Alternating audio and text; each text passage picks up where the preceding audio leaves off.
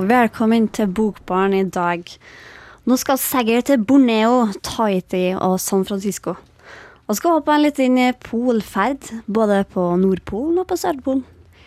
I dagens sending til Bokbarn så er vi ikke for oss eh, reiselitteratur. Så ta en liten pause i eh, eksamenslesinga den neste timen, så kanskje du får noen tips til sommeren. Med meg i studio så har jeg Martin Ingebrigtsen Hallo. og Mathias Samuelsen. Jeg heter Idun Fivelstad og kommer straks etter natt. Men først så skal vi høre The Kings med The Sunny Afternoon.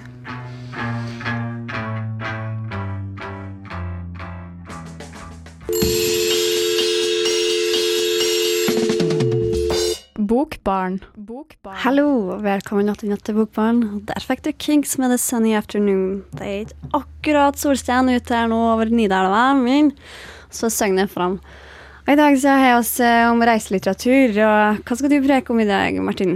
Jeg skal snakke om en, en veldig morsom bok som jeg har uh, ramla over. Den er nylig kommet ut eh, i Norge, men den er en ganske gammel bok. Eh, så vidt jeg har funnet ut, så tror jeg den ble skrevet på slutten av 70-tallet.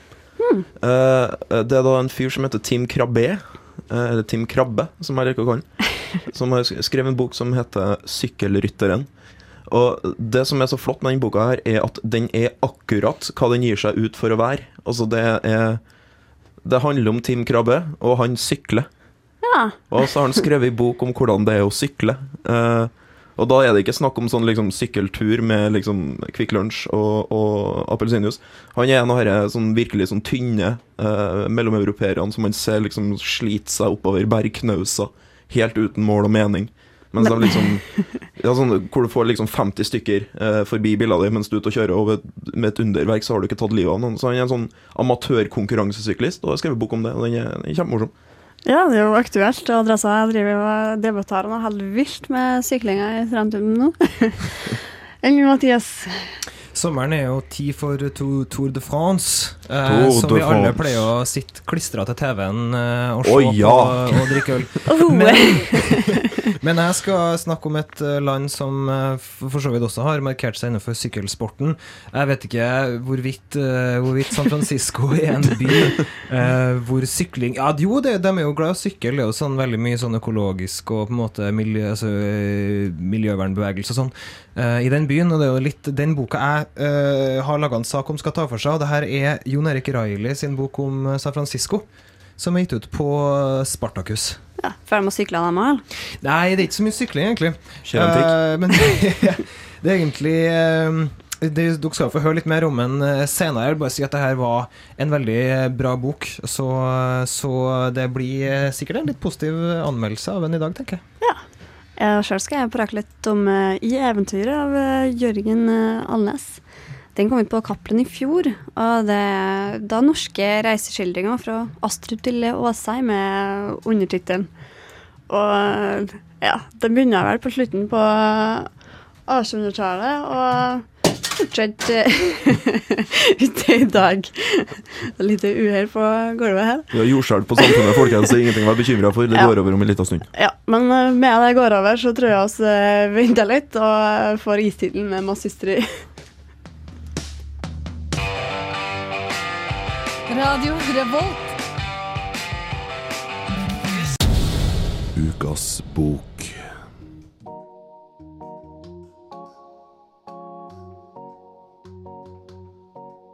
Om morgenen våkna jeg av at en mann i prestekjole sto ved senga mi og berørte panna mi med tommelen, omtrent som under dåpen, eller den siste olje. Et par øyeblikk lette jeg etter gårsdagens rester.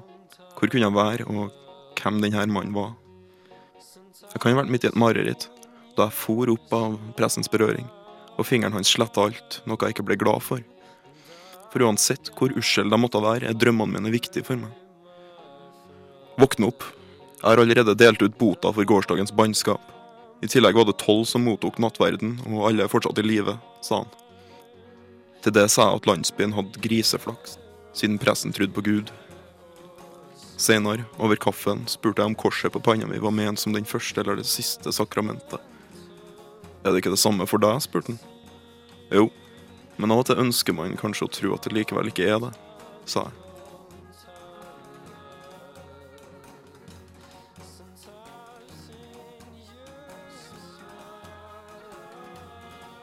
Av og til kommer det bøker som fungerer på en måte som gjør at man ikke helt vet om man skal si at den er grei, eller om man bare skal finne fram superlativene med en gang og taktfast hyl etter nobelpris til han som skrev den. Stillheten av Attila Bartis er litt sånn. Jeg kan rett og slett ikke bestemme meg for om jeg liker den, eller om jeg virkelig liker den. Konseptet til boka er kul. En ung, men etablert forfatter skildrer det lett bisarre forholdet han har til sin eldre mor, som har stengt seg inn i deres felles leilighet i 15 år. Helt siden hun fikk fyken fra teatret, hvor hun var en kjempediva. Forholdet dem imellom danner kjernen i forfatterens liv. Stormens sentrum, om du vil. Han springer rundt i verden, har opplesninger, finner en kjæreste, rømmer hjemmefra, ligger med hora. Men han vender alltid tilbake til mora sitt iskalde grep. Samtidig er det en samfunnsskildring like mye som det er et portrett av en skjebne. Landets moderne historie og tilstand invaderer hele tida forfatterens forsøk på å skildre sitt lille familiedrama, og gir det hele et eh, eksistensialistisk tilsnitt. Og det hele reflekteres i bokas form. Vi følger flere plott samtidig, forskjellige historier fra mannens liv avveksler hverandre. De avsluttes og returnerer, helt uten forvarsel. Et avsnitt kan endre motiv i løpet av en setning, og Attila Bartis bryter i det hele tatt svært mange regler, uten at han kludrer til noe i det hele tatt. Samtidig utviser Bartis en språklig teft som kan få nesten hva som helst til å synge. Setningene hopper og spretter rundt på sida, og til tida tenker jeg fy faen, det her er fordømt god prosa. Likevel finnes det en skyggeside. Selvfølgelig gjør det det. En slags nagende tvil som kommer krypende frem fra lillehjernen akkurat mens jeg koser meg som mest. Jeg begynner å føle meg litt lurt. Prosaen virker plutselig hakket for ellevill. Det virker som grepet om den verdenen som har blitt skissert, begynner å glippe. Eller kanskje det bare er det at teksten fokuserer på noe annet. Det er ingenting stort uansett hva det er. Men det er sånne her fornemmelser som kan hindre et potensielt storverk fra å virkelig nå frem til leseren. Når jeg innledningsvis sa at jeg ikke visste om denne boka var god eller virkelig god, er det det her jeg mener. Dessverre finnes det ingen andre tester enn ti. Jeg må leve litt med denne boka for å finne ut hva greia er. Og om bare for å gjøre denne anmeldelsen komplett, så anbefaler jeg deg å gjøre det samme. Løp og kjøp 'Stillheten' av Attila Bartis, og gjør opp din egen mening. Denne boka fortjener, mer enn veldig mye annet som renner ut av forlagene, å bli lest.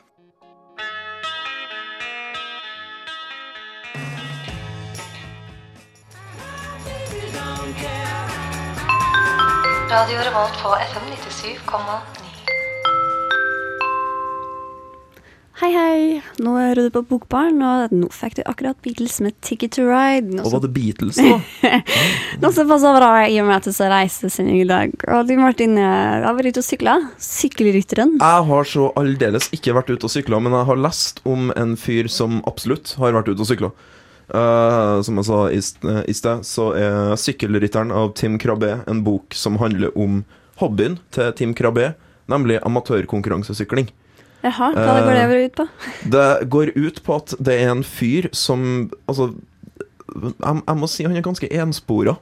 Jaha. Altså, det her er ei veldig fin bok. Jeg liker den veldig godt. uh, men den handler bare om sykling. Det er ingenting annet. Han har skrevet en bok om seg sjøl som sykler. Det, også, han nevner i forbifarta at han har en kjæreste. Han nevner at han har vært eh, liksom, sjakkspiller på kjempehøyt nivå. Er sånn i forbifarta. Men det det her handler om, er at Tib Krabbe liker å sykle. Det, det, det er veldig, veldig enspora.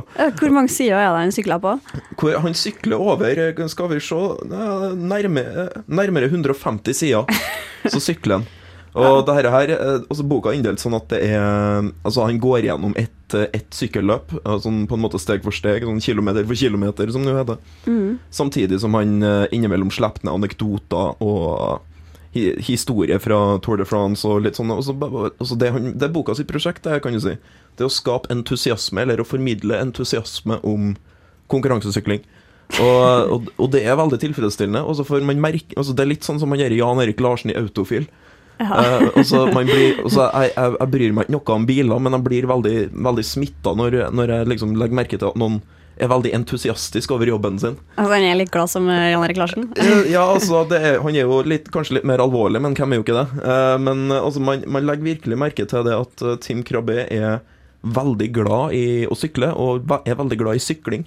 For han kan vanvittig, vanvittig mye. Han drar inn liksom, historier fra Tour de France opp gjennom årene og snakker om Altså, altså Han snakker om hvordan man måler distanser uten, uten liksom at måtte ty til kart. Og en, sånn- nei, det er bare veldig mye. Sier noe om hvorfor han sykla i det hele tatt. Det er jo det han ikke gjør, da. Altså Han sier jo det. Altså Han var ganske gammel når han begynte å sykle. Eh, sånn midt, på 30, midt i 30-årene en gang, eh, eh, tror, jeg, tror jeg faktisk han sier.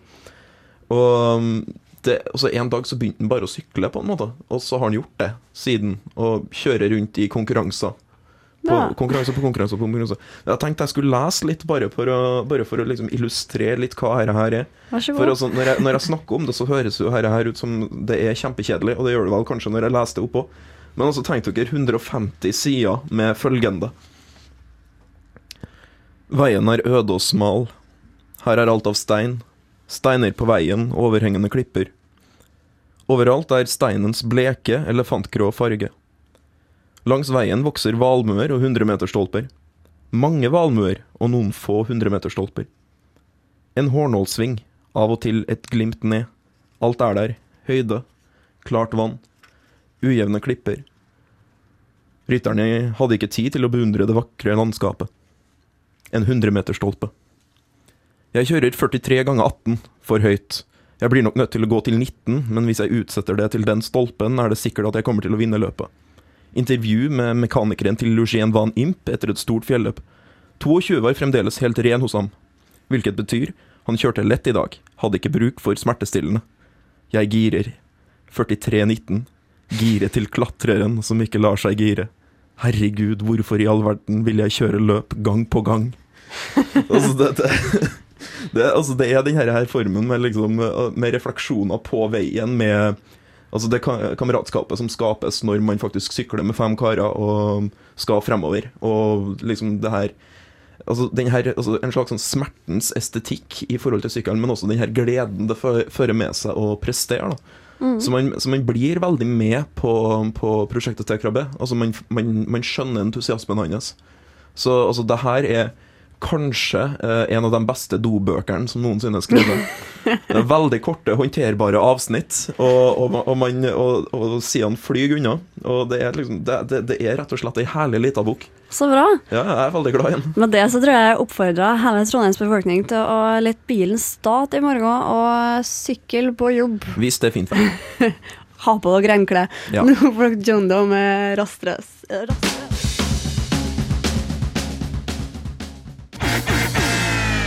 Hører på Radio Revolt, studentradioen i Trondheim. Der fikk du Trondheimsbandet John Doe med rastløs rock'n'roll. Lokalt innhold. Lokalt innhold! Og i dag har vi reisespesial i Bokbaren, og Mathias har vært en snartur i San Francisco. Jeg har det. Uh, jeg- Dro det- du til San Francisco? Å ja da, i morges. Det, altså? Jeg dro der, ja, i hvert fall jeg, har, jeg skal dit. Det er vel det som er grunnen her. Og, og det er jo, som jeg skal få høre etterpå, så er det ikke så lett å finne ordentlig litteratur eh, om amerikanske byer. Det er jo en sånn propagandamaskin som driver og går, eh, og har på en måte klassifisert de ulike stedene eh, og og, og hvordan de skal på en måte oppfattes. da. Men Riley, Jon Erik eh, Nordmann Riley, han er jo kjent som redaktør eh, i Cappelen. Ja. Og også pappaen til Flamme forlag. Eh, er jo. Det er han som understøtter deg med penger, så vidt jeg har, så vidt jeg har skjønt. Men han er i fall en, eh, han er jo litt sånn kulturteoretiker, på en måte. Og en del av det som eh, er litt sånn De blitt kalt de nye intellektuelle forfatterne. Så han og Mattis Øyby og Lang, Langeland eh, og han Markus Mindré og sånn. Ja. Som er en sånn gjeng av ganske godt utdanna unge menn som driver og skriver i dag. Da. Mm, og han er jo en glitrende prosaist. Han har jo et veldig fint språk. eh, Ja, han er det, og han er jo halvt amerikansk. Mm. Så det er jo vanskelig å tro at jeg kanskje ikke har noe med den eh, doble nasjonaliteten hans. Jeg tror det kan være noe som er kommer, kommer av det. da. Denne boka er gitt ut på Spartacus. Og det må jeg si at er et av mine favorittforlag her i landet. Ja. De gir altså ut så utrolig mye bra. Så vidt jeg vet, så er det et ettmannsforlag. og han som driver på med det, han heter vel så mye som Hva står det her, da? Ein... Ja, nei, det er i hvert fall Han heter kanskje Einar. Einar eller Eivind. Og han gjør en utrolig bra jobb, da. De har gitt ut så mye kule bøker de siste årene. Men uh, hvorfor har han kalt opp forlaget sitt etter en homoerotisk gladiatorfilm fra 70-tallet? Jo, jeg tror det her er noe med Spartacus-figuren. Oh, ja. eh, på en måte den herre I. I am Spartacus. Okay. eh, Ja, for dem som har sett uh, Kubrick, eller Kubrick var produsent Det- for den, ja, for den han regisserte den ikke, Han regisserte den ikke, ja. men det kan jo være det samme, da. Poenget er at det her er en forbaska bra eh, bok, og den er bare én av nesten uendelige serien av gode bøker som Spartacus gir ut. Seinere, altså til høsten, så vil dere nok få høre en, en anmeldelse som jeg skal lage av Bataille, for eksempel, eh, som er oversatt av Thomas Espedal. En bok som heter 'Historien om øyet', som jeg tenker å ta, men det er en helt annen sak. Ja. Eh, I hvert fall, det jeg må si før vi starter sak, saken her, da, er at, eh, er at eh, den boka her åpner med å fortelle hvor heldig det er for forfattermenn å ha forsker, forskerkona. Ja. Fordi, at, fordi at forskerkona får ofte penger til å dra til andre byer for å, måte, for, for å studere og utvikle ting.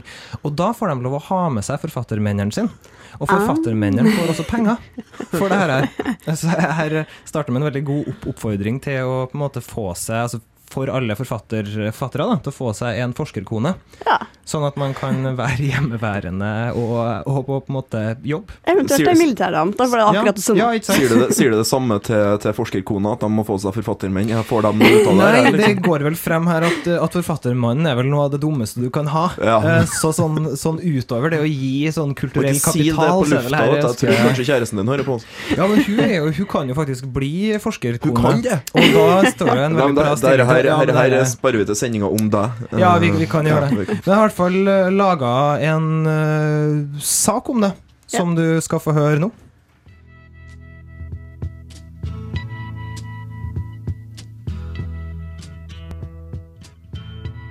Jeg skal til San Francisco neste år. Jeg har tenkt å pakke ned kjæresten min og ta på sandaler og la håret gro og plante meg på English Department at UC Berkeley for å ta et semester av masteren min på det legendariske universitetet. Og i sammenheng med det her, så har jeg vært på leiting etter ei bok som kunne fortelle meg litt eh, om byen San Francisco. Og etter å ha gravd gjennom ulike reisebøker og nettsteder fra de største selskapene, satt jeg igjen med en kvalmende følelse av at alle klisjeene jeg hadde lest om, skulle bli hverdagen min i et helt semester. Og at jeg sannsynligvis ville bli nødt til å ta meg grundig sammen for å ikke dø av all vennligheten og half-ass amerikanske radikalismen. Jeg trengte noe å jevne ut det hele med. Og nok en gang, og det er ikke tull, ble jeg redda av Spartakus forlag. Og deres serie av reisebøker skrevet av forfattere. I mitt tilfelle Jon Erik Railis San Francisco. Ca. 230 sider illustrert med fotografiet av Per Andreas Todal og Ellen Smithy. Med humor og refleksjon er byen beskrevet på en sånn måte at man lurer på hvorfor ikke alle reisebøker er forfatta av folk som faktisk kan sjangeren, og veit hvordan man gjennom 2000 år har skrevet det. Poetikken i boka kommer veldig klart frem i en samtale mellom far Jon Erik Raili og sønn Daniel på to. Her er lest av Sondre Munterkås. Daniel, ser du det som er der borte? Golden Gate Bridge. Riktig, det er Golden Gate-broen. Men eh, egentlig tenkte jeg på det som står ved siden av broen. Hva er det? San Francisco. Mm, Det stemmer. Det er San Francisco. Liker du San Francisco? Ja. Og Kensington liker. Jeg skjønner at du liker Kensington. Men når vi ikke er i huset i Kensington, der vi bor, så er vi i San Francisco. Husker du San Francisco? Huset til tante Ingrid i San Francisco. Det stemmer. Tante Ingrid bor i San Francisco. Er det noe annet du husker? Nesehorn. Ah, du tenker kanskje på den zoologiske hagen. Der så vi neshorn. Og Lion. Unnskyld? Daniel husker Lion oppi vannet. Mener du sjøløve? Ikke sjøløve. Sea Lion. Sea Lion er engelsk for sjøløve. Du tenker på sjøløven vi så ved Chrissy Field. Og is. Kjøpte vi is da vi så sjøløven? Ikke sjøløve. Is! Hva mener du? Is, is, is! Du har lyst på is nå? Det er de små tingene som teller, pappa. Du har for lett for å glemme det. Unnskyld? Du er så opptatt av å fange byen i ord at du har lett for å glemme de små tingene. Daniel, hva er det du sier?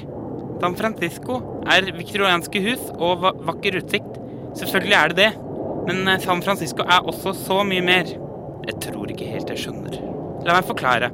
Når man har vært på ferie og reist hjem igjen, pleier man å fortelle om museene man har besøkt. Utestedene man har vært på, osv. Men det er som regel ikke disse tingene man husker best.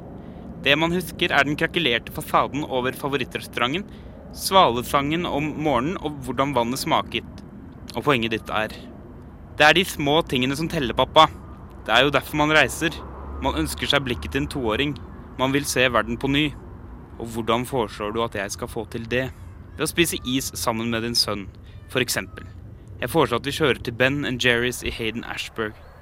Jeg burde ha skjønt at det var dit du ville. Hva skal jeg si? Jeg er jo bare to år gammel. Greit, vi drar til Ben and Jerry's, men på én betingelse. Du må slutte å være så jævla veslevoksen. Må jeg det? Noe annet kommer ikke på tale. Jeg vil ikke høre mer visdom fra din munn. Ikke før du har fylt 14 år, minst. Avtale? Is! Daniel vil ha is nå! Fint. Da drar vi. Et av høydepunktene er den komparative estetiske analysen av Bay Bridge og Golden Gate Bridge, de to store bruene i San Francisco. Hvor ellers får du sånn informasjon som at Golden Gate-brua er utstyrt med telefonautomater med direktelinje til et krisesenter, fordi problemet med selvmord er så stort, etterfulgt av kommentaren 'Selv i døden foretrekker vi skjønnhet'.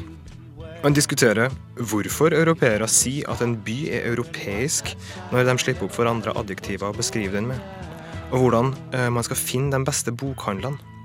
Og for oss som har nilest Jack Kerouac og Tom Wolfe sine beskrivelser av byen, er denne boka et perfekt telemarksnedslag for å redde oss ut av det svevet som står i fare for å ende med oppskrapa ansikt i bunnen av hoppbakken. Dette er ingen vanlig reisebok. Det er en reiseskildring. Forskjellen på de to burde være klar for de fleste.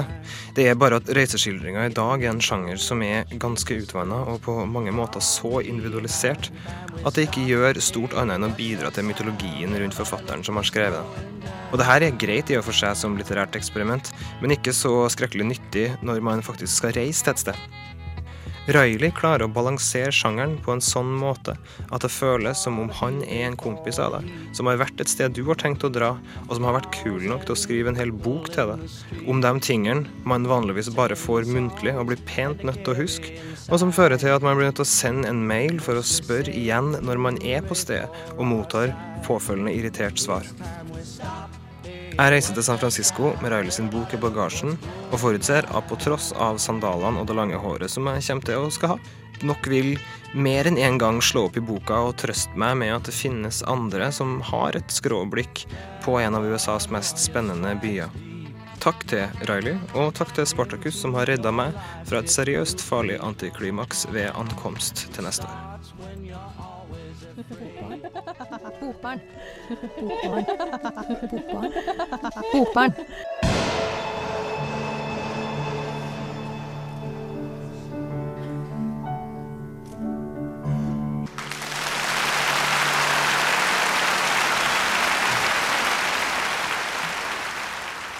Det var Neil Young sin 'Journey Through the Past'. Og i dag er altså reisesending fortsatt i Bokbarn.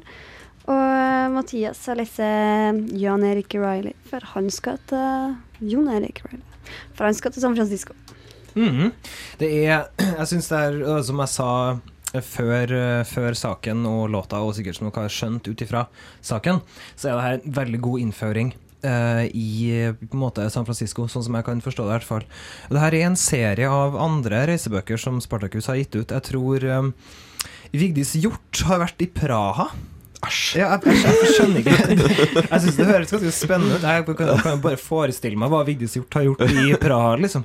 Og hva det innebærer av rødvin og unge menn. En sånn, eh, sånn. Eh, Nå må og- vi ikke ta alle forfattermytene om Vigdis Hjort på alvor. Har jeg og så Uansett tror- hvor godt de måtte stemme. ja, altså jeg tror da eller Jeg jeg er litt usikker Det er en fra Paris òg, og jeg håper jo sånn i bak i hodet at det er Thomas Espedal, men jeg tror ikke det. Jeg tror det er Frode Grytten, faktisk, som har vært der, eller noe sånt. Så- Kunne jo vært Rune- Kristiansen, men det er det jo ikke. det kunne det også vært. Han kunne også hatt uh, fra Glasgow eller noe sånt der, for så vidt. Men altså, uansett da, så er det her et veldig bra alternativ til Lonely Planet internettguidene og sånn, for de sier egentlig alle sammen sier akkurat det samme. Mm. Og den boka her på en måte avkrefter veldig mye av mytene. Jeg vil bare, bare si, altså vil bare ha med eh, eh, I helt slutten av boka så står det sju ord man bør unngå å bruke i anmeldelser av denne boka.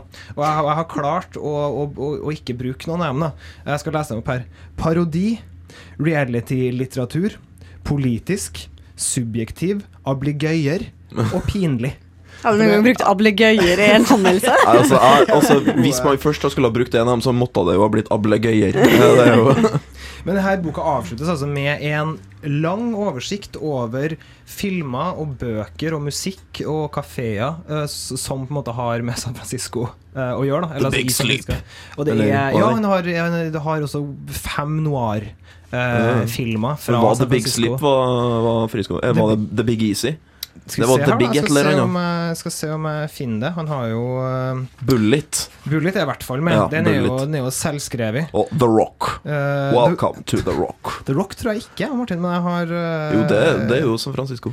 Ja, det er San Francisco, ja, men jeg vet ikke om eh, Ja, uansett, da skal vi se her, da. Nei, de er The Maltesefalken, Ja. Dark Pages, Lady from Shanghai, Woman on the Run, The Sniper og Lineup er det man Yes. mener er noir-filmer. det er bare noir, da. Uh, Mm. også en liste med andre filmer. Men, men nok om Riley, selv om det her er en kjempebra bok og den anbefales for alle som Jeg tror jeg skal til tror jeg San må lese den, da. Ja, ikke sant? Jeg kan lese den hvis du leser den sykkelruta. jeg Enten du skal til San Francisco eller ikke, det her er en god bok. Men Idun, du eh, har lest om noen sånne polfarere og greier, ikke? Ja, ikke bare det. Det er Jørgen eh, Alnes sin eh, beretning om norske eventyrere.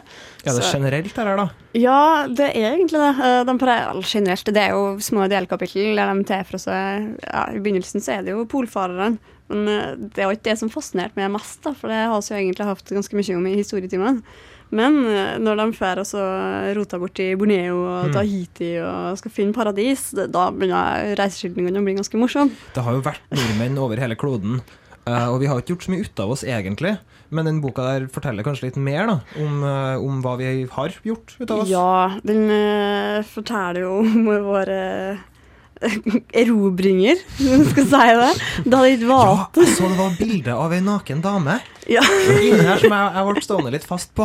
Hva har det noe med disse erobringene å gjøre? Uh, nei, det var ikke det jeg tenkte. Det var, det var dama hele Norge lå med i 1976. Jeg tenkte mest på Vet du, eh, Rosalita var fra Mallorca. Ja, ja, imperialismen og det og det, men nok om det. Om du vil høre om damer, så kan jeg ta Ørjan Olsen sine reiseskildringer fra 1930, blant annet. Ja. Han var på Tahiti, og da Ja, der var det masse nakne damer. Det var de blitt vant med i Norge på 30-tallet. Nei. Hva behager, sa han. Hva, be, hva behager? ja, det synder jeg ikke å lese eksempel akkurat her nå, men eh, de beskriver jo eh, de damene som havfruer som kommer dryppende våt og hopper opp på dekk før man kommer i land. Og Herregud, de må jo ha eksplodert. Åh, sjøma sjømanntilværelsen. Herregud, for, for et liv. Men det her er en bok du, du, du, du, du vil anbefale? Er det, er det, er her sommerlektyre? Ja, det syns jeg. For du kan, kan jo være det ut. Du trenger jo ikke lese annonsen Amundsen, det kan du faktisk hoppe Mm. over. Om du heller vil lese om uh, tahitiske skjønnheter, så kan du gjøre det. Ja. Det er meget festlig. For ikke å snakke om eh, ganske morsomme rasistiske uttalelser Ja. der han drar og jakta på negere i jungelen i Sør-Amerika og sånne ting. Så ja, meget festlig, det. Lese i eventyret av Jørgen Alnes fra Cappelen i eh, sommer. Det, det, altså, det er jo veldig altså, Igjen, altså, det begynner jo å bli en litt sånn bokbarn-greie, men altså, no, beskriv coveret for meg. Hva er det vi ser på her? Å, uff. Ja, Jeg skulle ønske jeg ikke så det før jeg leste det. Det der ser ut som geografiboka mi fra andre klasse, eller noe sånt. sånn, sånn O-fag Ja, med kart. Det. Bare at de har kutta kartet litt. da. De, Ja. Det er sørspissen til Sør-Amerika og litt opp-ned-flagg med ja, bokstaver og bruker den typografien fra 30-tallet. cirka. Det her er veldig merkelig. Også, jeg, kan, jeg skjønner jo tanken. De er liksom OK, vi kjører litt sånn kartfølelse. Men det blir jo litt sånn uh, Ser du på coveret, så blir det mer sånn menn over 50, da. Som den appellerer til. Men uh, du, du vil altså si at den ikke bare appellerer til menn over 50? Det er en sånn bok som appellerer til menn over 50, men ikke nok med det. Den appellerer også til kvinner under 25. Ja da, jeg likte det som var inni, men uh, coveret får slakt. Så det er vel kanskje ikke så mye å si. Men uh, iallfall, nå skal vi se For Friend of the Devil med Grateful Dead.